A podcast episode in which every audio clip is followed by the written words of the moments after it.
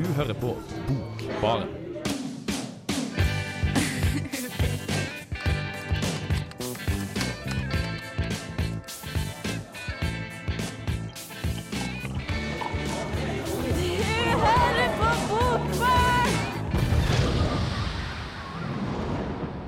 Hjertelig velkommen til nok ei sending med Bokbarn. Det er tirsdag, og vi treene i studio her er klar med Bokbarn. Med meg i studio i dag så har jeg Truls. Hallo, velkommen til deg, Truls. Tusen takk. Går det bra med? Det går eh, greit med meg. Det var, det var valg i går, så Det var det. Vi, Ja. Hva med deg? Hva går det bra med? Ja, det er vel det samme her. Med meg går det heller ikke så verst. Og vi, som du Truls sa, skal snakke om valg, eller egentlig politikk i dag, da. For det var jo valg i går, og det ser ut til at det blir nye år med blå, blå politikk, da. Så vi snakka litt om det her i Bokbarn på sending, og våre ønsker i hvert fall eh, kanskje Segway til alle, og billigere sprit. Og, Ja. jeg, sy- syns at eh, det, som, det beste som kan komme ut av det her, er en regjering med Bård Hoksrud. Ja, og sant. jeg syns det er det eneste lyspunktet i det her, sånn egentlig. vi får kontakt med, mer kontakt med Bård Hoksrud og, og vennene hans. Absolutt. Så vi må se det sånn. Nei, men vi har som sagt i hvert fall en sending med politikk da, det vi skal ta for oss egentlig eh, vidt forskjellige politiske bøker og, og, og, um, og strømninga, da. Men eh, ja, hva tenker dere om valget? Hva gjorde dere i går? Var dere på, på valgvake, eller satt dere hjemme og fulgte med, eller um, hva, hva gjorde du, Emma? Jeg var på valgvake. Eh, det var jeg. Mm. Var du på Samfunnet? Nei, Nei. ikke på Samfunnet. Privat? Var, ja, på, på privat valgvake. Stemmer. Var det stor stemning eller ikke stor stemning? Det var litt spredt stemning. Jeg tror vi var fra litt ulike eh, politiske bakgrunner, skulle jeg si. Så litt spredt stemning, ja. Men det syns jeg er kult, når, for det, da det blir diskusjon at folk har ulike syn, og ikke bare alle sånne her eh, SV må vinne. Ja.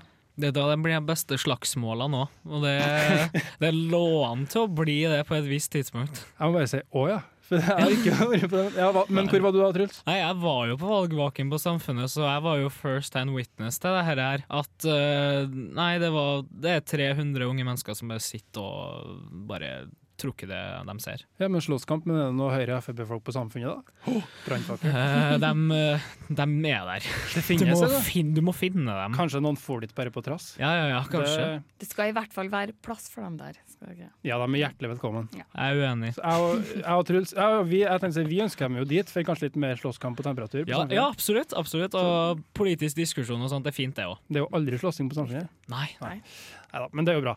Men vi skal, det bør seg temaet i dag. Um, Sjøl kan jeg nevne det, så var jeg bare hjemme og satt framfor radioen som en god radiolytterne og hørte på NRK-sendinga da det ble sagt at blå, blå blokk har, har overtaket. Men altså, vi, skal jo, vi kan jo reklamere litt for hva som kommer på Bokbarnsendinga i dag. da.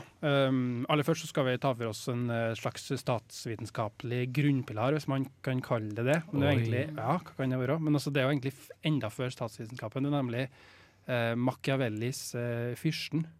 En sånn uh, bok fra um, når 1500-tallet, kanskje, tror jeg.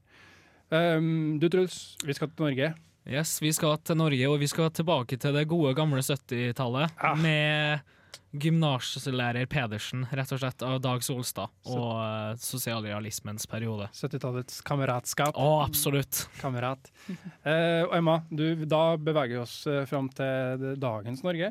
Ja, eh, jeg har lest To søstre av Åsne Seierstad, som man kanskje ikke kan si at er en politisk bok i seg sjøl, men den er i hvert fall eh, Den tematiserer ting som eh, definitivt er politisk, vil jeg påstå. Ja. Det blir spennende å høre. Um, først ser vi på med Pompoko og You'll Be Fine.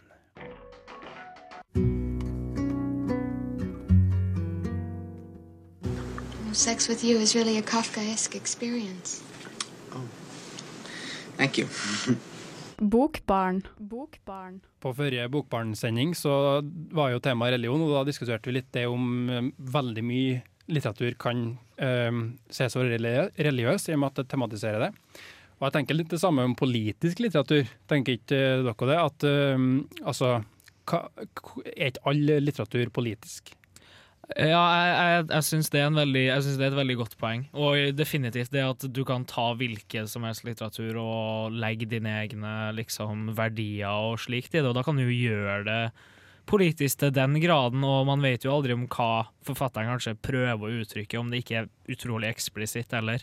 Mm. Så Ja, for jeg òg har det synet for deg, og jeg er enig i at, for at altså, hvis man bare ser på hvordan litteraturen fungerer, da, at den gis ut av egentlig i hovedsak i hvert fall sånn solide institusjoner som forlagene er da, i samfunnet, og spiller på den måten en um, rolle i samfunnet, i mediesamfunnet. da. Så det må jo utvilsomt ses å være politisk, tenker jeg.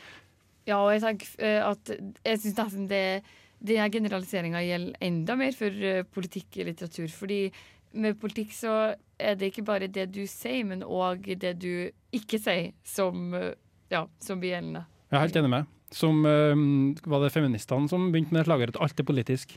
Ja, fall. Men jeg syns det er godt, for det, jeg tror det er helt sant. Jeg. Mm. Samme hva man gjør seg politisk. Uh, men jeg kan jo spørre dere da om hva, altså, hva har dere noen erfaringer med, med eller politisk, politisk litteratur som dere vil trekke fram? Da? Hva, hva ser du, Truls? Har du lest noen bøker som du merka at oi, dette var politisk krutt? Ja, um, jeg tenker det, det, er jo en, det er jo kanskje noe som noen øhm, visse akademikere kanskje vil uttrykke veldig ofte. Da, det at på en måte, i hvert fall i Knut Hamsuns forfatterskap, så har man liksom en sånn brytningstid i en viss periode der hvor han bare skriver politisk.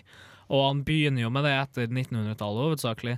Så jeg har vært borti Det er noen ganger jeg har tatt meg sjøl i å liksom vært sånn fresh off sult, på en måte og så på en måte begynne å lese Segelfoss by og slikt, og så sitter jeg her og bare tenker sånn Wow, det her var Ja, det her er, det er er sånn kamplyrikk, nesten, i form av Hamsun, liksom. Jeg er helt enig. Jeg syns Hamsun er et godt eksempel. For mye av det han skriver, ikke altså, ikke bare kanskje de mest kjente eksemplene, men det er jo politisk i og med at det på en måte tematiserer noe. Da, sånn som eh, de liksom, romanene som går tilbake i tid. Da. Det er på en måte et innlegg i samtidsdebatten, det òg. Ja, absolutt. Hva med deg? Har du noe? Jeg tenker jo fort på litt mer sånn feministisk litteratur sjøl, Ja, ja. Jeg har jo vært innom både en del moderne, men òg eh, litt sånn 70-talls eh, eh, eh, forfattere. Eh, Torborg Nedreås og Thea Trier Mørk fra Danmark. Og ja.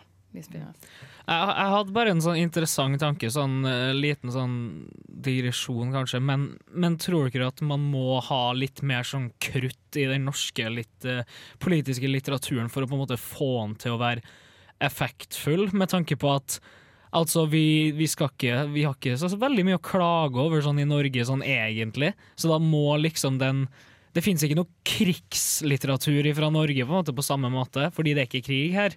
Men på samme måte så Altså, det politiske miljøet er ikke like, på en måte, hva kan man si i liksom en slags ri, på vei til å rives ned, på en måte.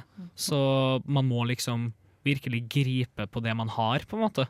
Ja, det tror jeg du har helt rett i, men da kommer man tilbake på den, den ideen da, om at alt er politisk. Da. Eh, Men, eh, og i hvert fall blir det jo eksplisitt i sånne romaner som er ganske mange skrives ganske mange av unge folk i Norge i dag, tenker jeg. Sånn som eh, og nå står det helt med Kenneth Moe, han tar i Vesaasvingeren, som skriver om liksom, det iso, eh, isolerte individet som stenger seg inn, og sammen med hun Elin Lund Fjæren. Det ser jo noe på en måte med samtiden, det òg. Men ja, som du ser, det blir jo veldig sånn sjølopptatt. Eller skulle klart, eksempel, et annet eksempel er jo Knausgård, sjølopptatt. Mm. Uh, ja. Men i tillegg så kan du si at det skal kanskje Jeg vet ikke, kanskje det skal mer til for å sjokkere eh, ja, nordiske, norske lesere?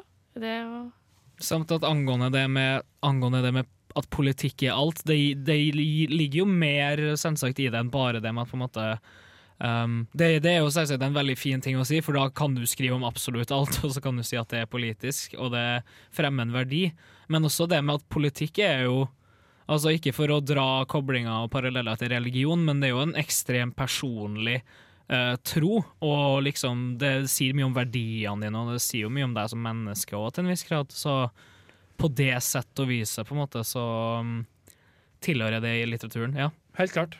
Så da har vi på en måte fått uh, sirkla oss inn til at eh, ja, vi har lest litt politisk litteratur før, og mye er politisk.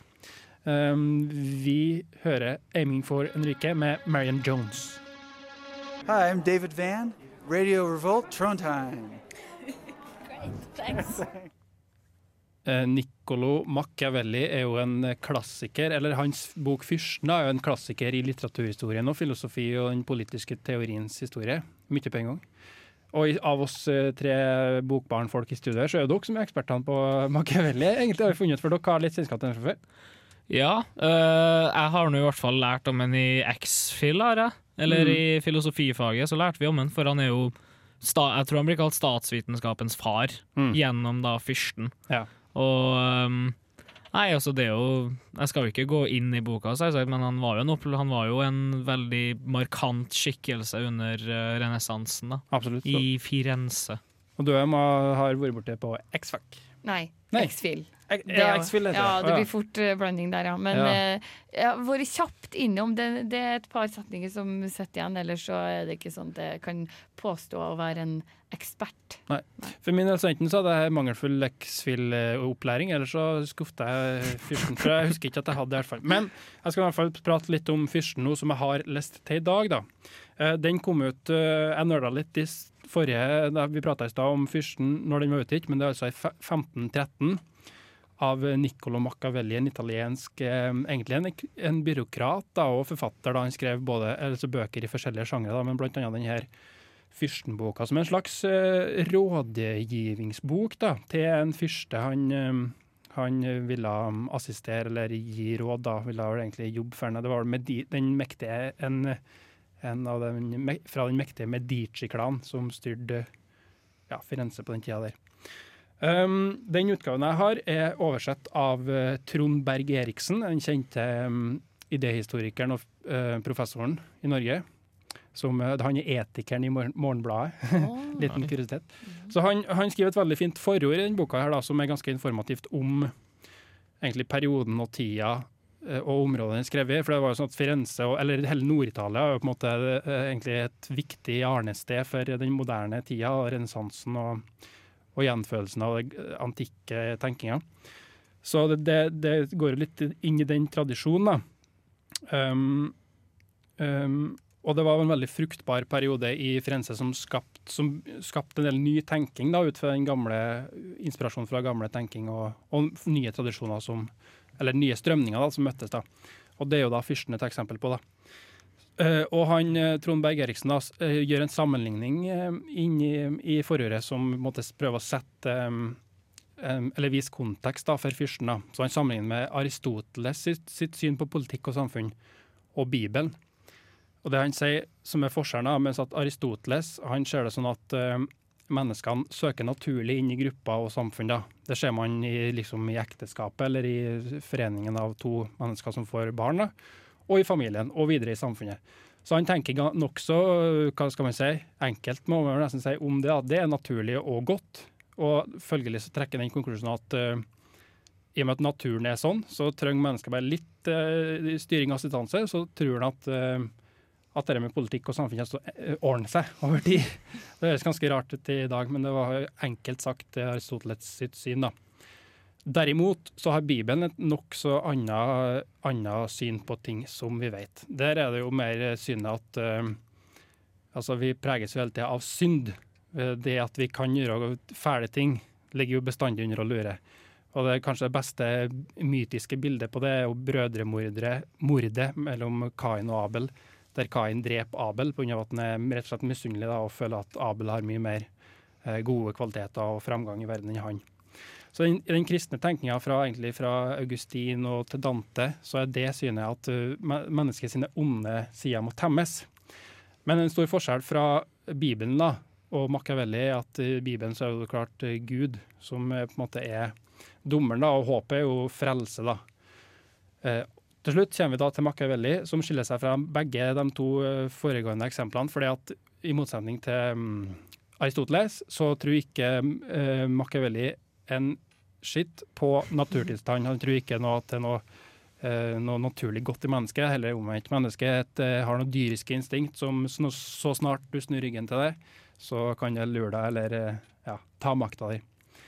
Eh, Så det skiller seg veldig. Han har et ganske mm, I dag vil du si mer realistisk, da. det viser at han er en moderne tenker.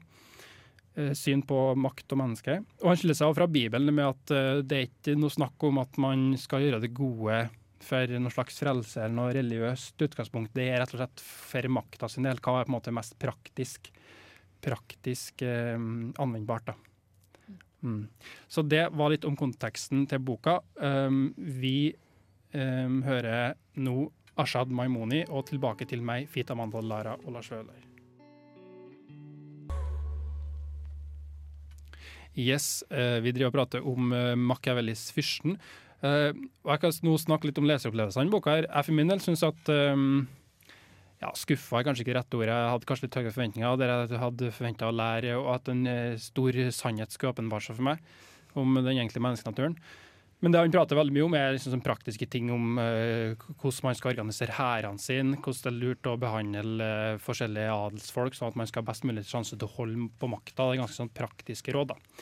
Men uh, noe som et midtparti i boka som jeg liker ganske godt, det begynner å snakke mer om menneskets natur og, og det som jeg håpa på å lese om. da, og det er litt artig. Så jeg skal lese litt opp om det han snakker om forskjellen på å bli frykta og elska. Og da skriver Machiavelli for mennesket i sin alminnelighet kan man si at de er utakknemlige, ubestandige, hyklers, hyklerske, engstelige for farer og begjærlige etter vinning. Så lenge de gjør godt mot dem, tilhører de deg med liv og sjel. De sverger, som tidligere sagt, å ofre blod, eiendom, liv og sønner når nøden er langt borte. Men nærmer den seg, vender de deg ryggen. Så det er sånn eksempel på den liksom sjukt eh, kyniske synet som eh, Machiavelli har på eh, mennesket. Da. Det, ja, det synes, jeg syns i hvert fall det Jeg tror man kan, hvis du som Trond Berg Eriksen, oversetteren, skriver i starten, hvis du tar, tar det som en livsregel, så tror jeg du blir, får et ganske kjipt liv. Men samtidig så er det noe å lære av det. For at man kan kanskje, hvis man tar den over seg, i- ikk- bli- skuffa sjeldnere. Erna bør lese den. Ja. Absolutt. Vi lar det oppsummere Machiavelli-praten vår. Erna bør lese den. Vi hører Panda Panda med Slacker. Eh, ja, jeg heter Dag Solstad, og dere hører nå på Bokbaren, og der er altså jeg. Ja, bestandig like artig. Vi har faktisk Dag Solstad i et hjørne her. Her er altså jeg, sen, i jingen. Vi skal i hvert fall prate om en bok av Dag Solstad, og det er du, Truls, som har lest den. Og det er jo så klart, da, når vi snakker om politisk litteratur og Dag Solstad, så er jo boka framfor noen da er jo den, hva er den fulle tittelen? Vi fant 'Gymnaslærer Pedersen og den politiske vekkelsen som har hjemsøkt vårt land'. Det var veldig nær. Du glemte av beretning. Beretningen om osv. Ja. Gymnaslærer Pedersens beretning om Den store politiske vekkelsen som har hjemsøkt vårt land. Ja. Jeg vet det kronglete og i tittelen. Og den er, og den, og den er um, Den er jo da Altså, det her er jo Det her er på 70-tallet. Og det er en nyutdanna lektor som eh, Dag Solstad Han starter jo boka med å gi en slags introduksjon generelt til hvor merkelig det faktisk er at det var slik en, en eh, et ønske om voldelig revolusjon og væpna konflikt i et så rett og slett jævla potetland av eh, ikke noe krig og ikke noe elendighet eller noen ting, og likevel så, så vil man ha væpna revolusjon, og han syns det er så merkelig, og det er en nydelig sånn introduksjon, da, og ja. Ja, for Settinga i boka er at det er en gymnaslærer gymnastlærer da, som, eh, som begynner i jobben sin. er det? Det er og så begynner han i trekt inn i miljøet her. da, og Det, er- det jo ikke tilfeldig at det er sånn, et sånt miljø, et sånt setting, for det var jo i stor grad eh, intellektuelle folk som eh, drev med det her på venstresida. Og i hvert fall eh, unge radikale. Mm. Altså, han, eh, ja, han blir jo han blir, han blir jo radikalisert gjennom de folkene han møter i skoleklassen og slike ting. Så, Ja. ja. Ja, som du sier, også, det, det er skrevet rett etterpå, tror jeg, ikke det? Altså på, er det, ikke boka i Eh, 80 sånn? 1982. 82, ja. Mm. Så hvordan eh, får du inntrykk av gjennom boka at uh, den her avstanden eller det her framstillinga av den politiske strømninga blir, blir framstilt, da? Nei, altså, rett og slett, det er jo bare genistreken i å kalle boka for beretning i seg sjøl. Det Mm. høres jo det, det skal jo gi et så dramatisk uttrykk som overhodet mulig. Og um, Nei, han um, Samme med vekkelsen. Ja, som gjør det til en sånn også. eh, hysterisk eh, religiøs Ja, ja, eh, og, aspekt. og han var jo AKP-ML-er òg, så på 70-tallet. Så han har jo vært i liksom opp, Han har vært oppi det her. her. Ja, det er viktig å nevne, det var jo flere intelle altså, kjente intellektuelle også, som Dag Solstad blant annet. Jeg tror Jon Michelet. Ja, generelt så var jo faktisk den politiske vekkelsen, eller kommunistiske vekkelsen, som man liker å kalle det, i Norge ganske stor, hvis du sammenligner med andre land. Og eh, ja, jeg regner med Jeg tror jeg har hørt at de var noe sånn som 5000 eh, på den tida, så det er kanskje ikke så sinnssykt stort. Men det må nok ha føltes som en, en ganske stor gruppe. Mm. Og jeg tror nok de, det har vært store tanker om revolusjon og forandring. Ja. Ja, absolutt. Og det, jo, altså det var jo generelt det, det politiske klimaet i Europa på den tida der òg, sånn rent generelt. Altså Mao, maoismen, og det var jo kampen i Vietnam som ga mye støtte til kommunist-vietnameserne, og det var jo um, ja, studentopprøret i 1968 i Paris og slike ting. Så det er jo bare Norge som sånn som alltid vil være med de andre guttene og henge, og vil være kommunister, dem òg. Mange strømninger i tida ja, og historiske hendelser som bidro til det. Absolutt. Men eh, hva vil du si om eh, leseropplevelsen av den eh, boka? da? Hva, hva syns du om boka da, fra et litterært Jeg, synspunkt? jeg syns at det er en bok som egentlig alle bør lese, rett og slett. Altså, det er en nydelig bok, og den er så artig, altså bare fra starten av. Og det er så mye, er så mye digresjoner og anekdotisk uh, gull inni her, og særlig den mest kjente delen i boka der hvor han snakker om Hva var det han snakker om? Jo, han, han har sex med ei i skogen. Og så føler han en sånn Og så beskriver han det som en slags politisk gjenoppvåkelse, og det er tanken på den politiske gjenoppvåkelsen som gjør at han kan få en ereksjon i vinterkulda. Ja, og da kan jo jeg si at eh, hvis du vil ha en ekstra god leseropplevelse, så finnes altså Gunnar Stelle Pedersen eh, på lydbok eh, hvor Dag Solstad sjøl leste opp, da.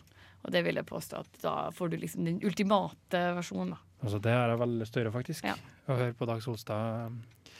Nå skal vi høre eh, 'Death by Unga Bunga' med låta 'Into the Night'.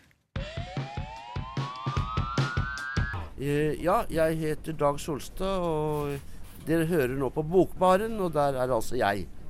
Vi kjører på med litt mer eh, Solstad, men eh, vi skal over i en litt mer eh, vid kategori, da, der Solstad inngikk, nemlig sosialrealismen. som Det er vel 70-tallet som er perioden for det i Norge, ikke det? Det er det, og um, sånn som når, når Mao dauer og kommunismen dør ut, så dør også denne perioden ut hovedsakelig. Og det er jo ja, det er jo bare en slags strømningsperiode der hvor bare det er masse forskjellige forfattere som skriver den samme typen politisk litteratur, og da, da tenker da drar jeg i hvert fall ofte paralleller til nesten et slags savn mot um, Nordahl Grieg og slik. At det blir nesten en slags litt mer politisk kamplyrikk for den som var på 30-tallet. Mm. Og at nå har vi ikke vår egen krig som vi hadde i 30-40-tallet, så nå må vi bare liksom ha kommunisme. Ta noen andre sin krig, ja. Ja, ja, ja. Men du, eh, tidligere, eh, før vi gikk på, så nevnte du noe om det, jeg tror at det var en del bakgrunn for det, som du nevnte noen historiske ting som, eh, som lå til grunn for at det, kanskje blussa opp veldig opp, da. Kan du si det? Ja, altså, altså det, er jo, det er jo Vietnam, og det er jo studentopprør her og der, og det var jo generelt et ganske voldelig tid å være i live på. Det ser man jo i USA òg. Altså Black Panthers og masse slikt. Og også feminismens rolle som kommer inn i det her, da. Brytninger i politikken, ja. Og så hadde man jo kanskje Sovjet, det står jo ennå som et ideal for mange Enda, da. Absolutt. Absolutt. Og øh, det ender jo kanskje i 1979, da når Brezjnev inntar Afghanistan. Men uh, før det igjen så var det jo ganske mye Det var ganske mye støtte for Sovjetunionen i Norge, i alle fall på den tida der. Så men øh, det er jo ikke bare venstresida, men det er jo dem som virkelig dominerer den tida her, med den litteraturen som de fremviser. Hva sier du med sosialrealisme? Har du, har du mye befatning med det?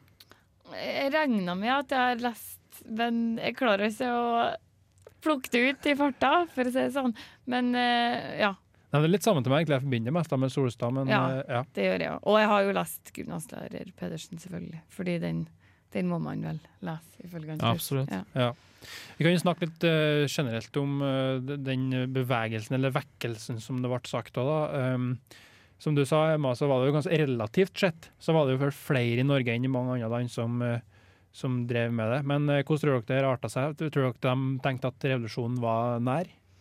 Hvis det er sånn som den, det framstilles i denne boka, da tror jeg definitivt altså Det blir jo den Jeg vet ikke, De hadde vel ekkokammer på samme måte som vi har det i dag, på 70-tallet.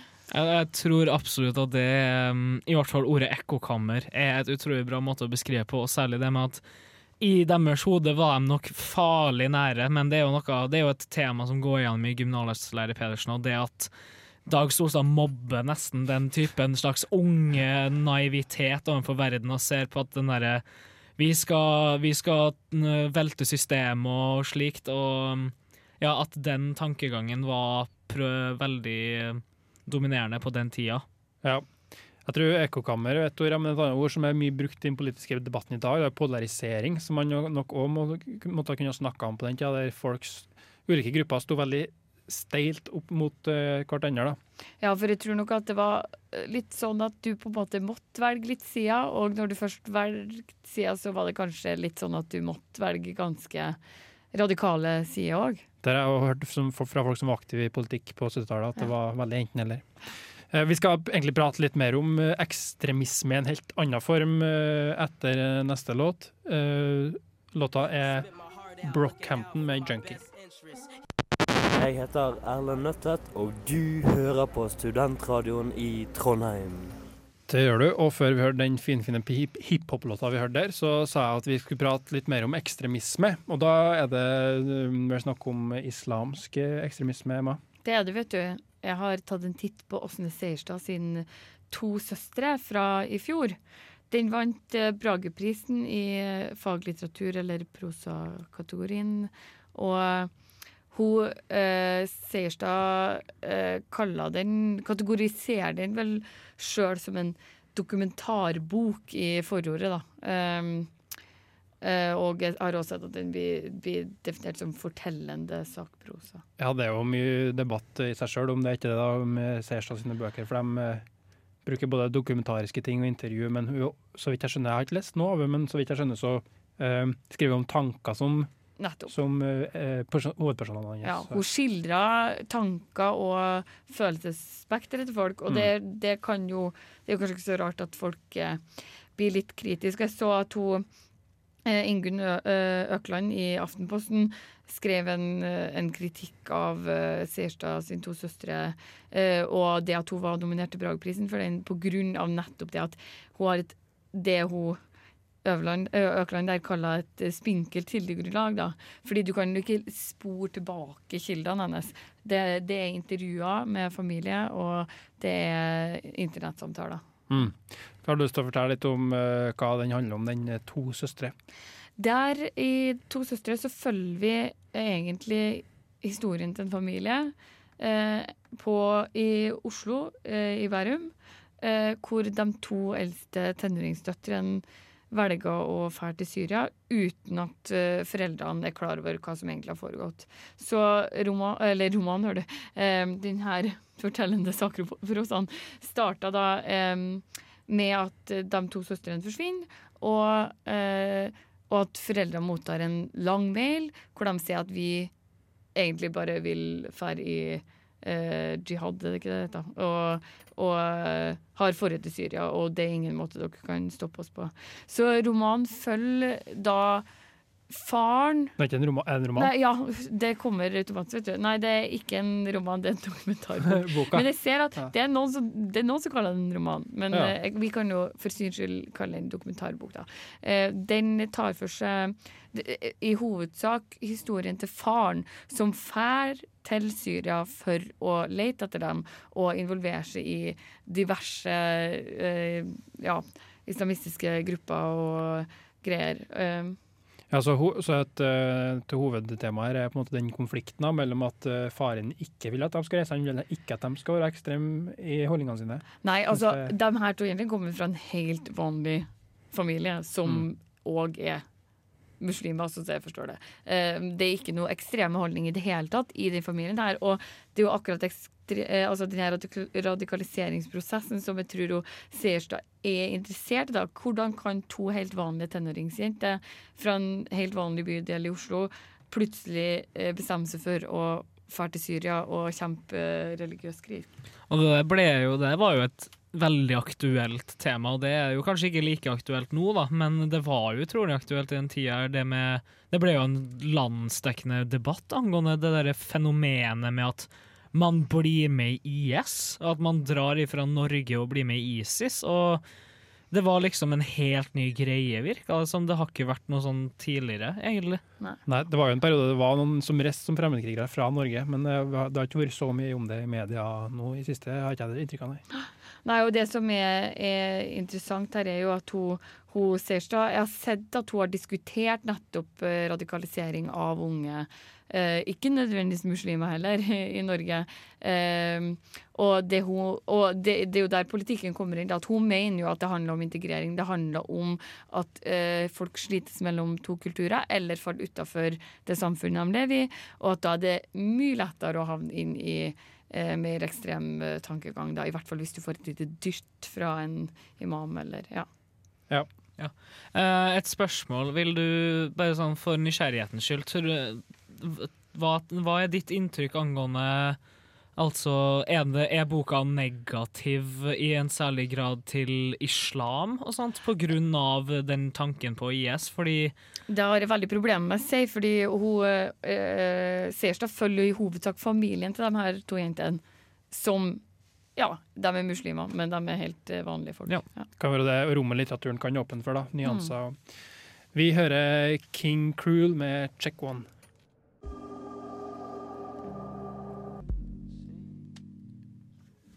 Det var King Cruel, det. Det er Et nytt bekjentskap for meg, men vi snakka i studio her om at det var kult.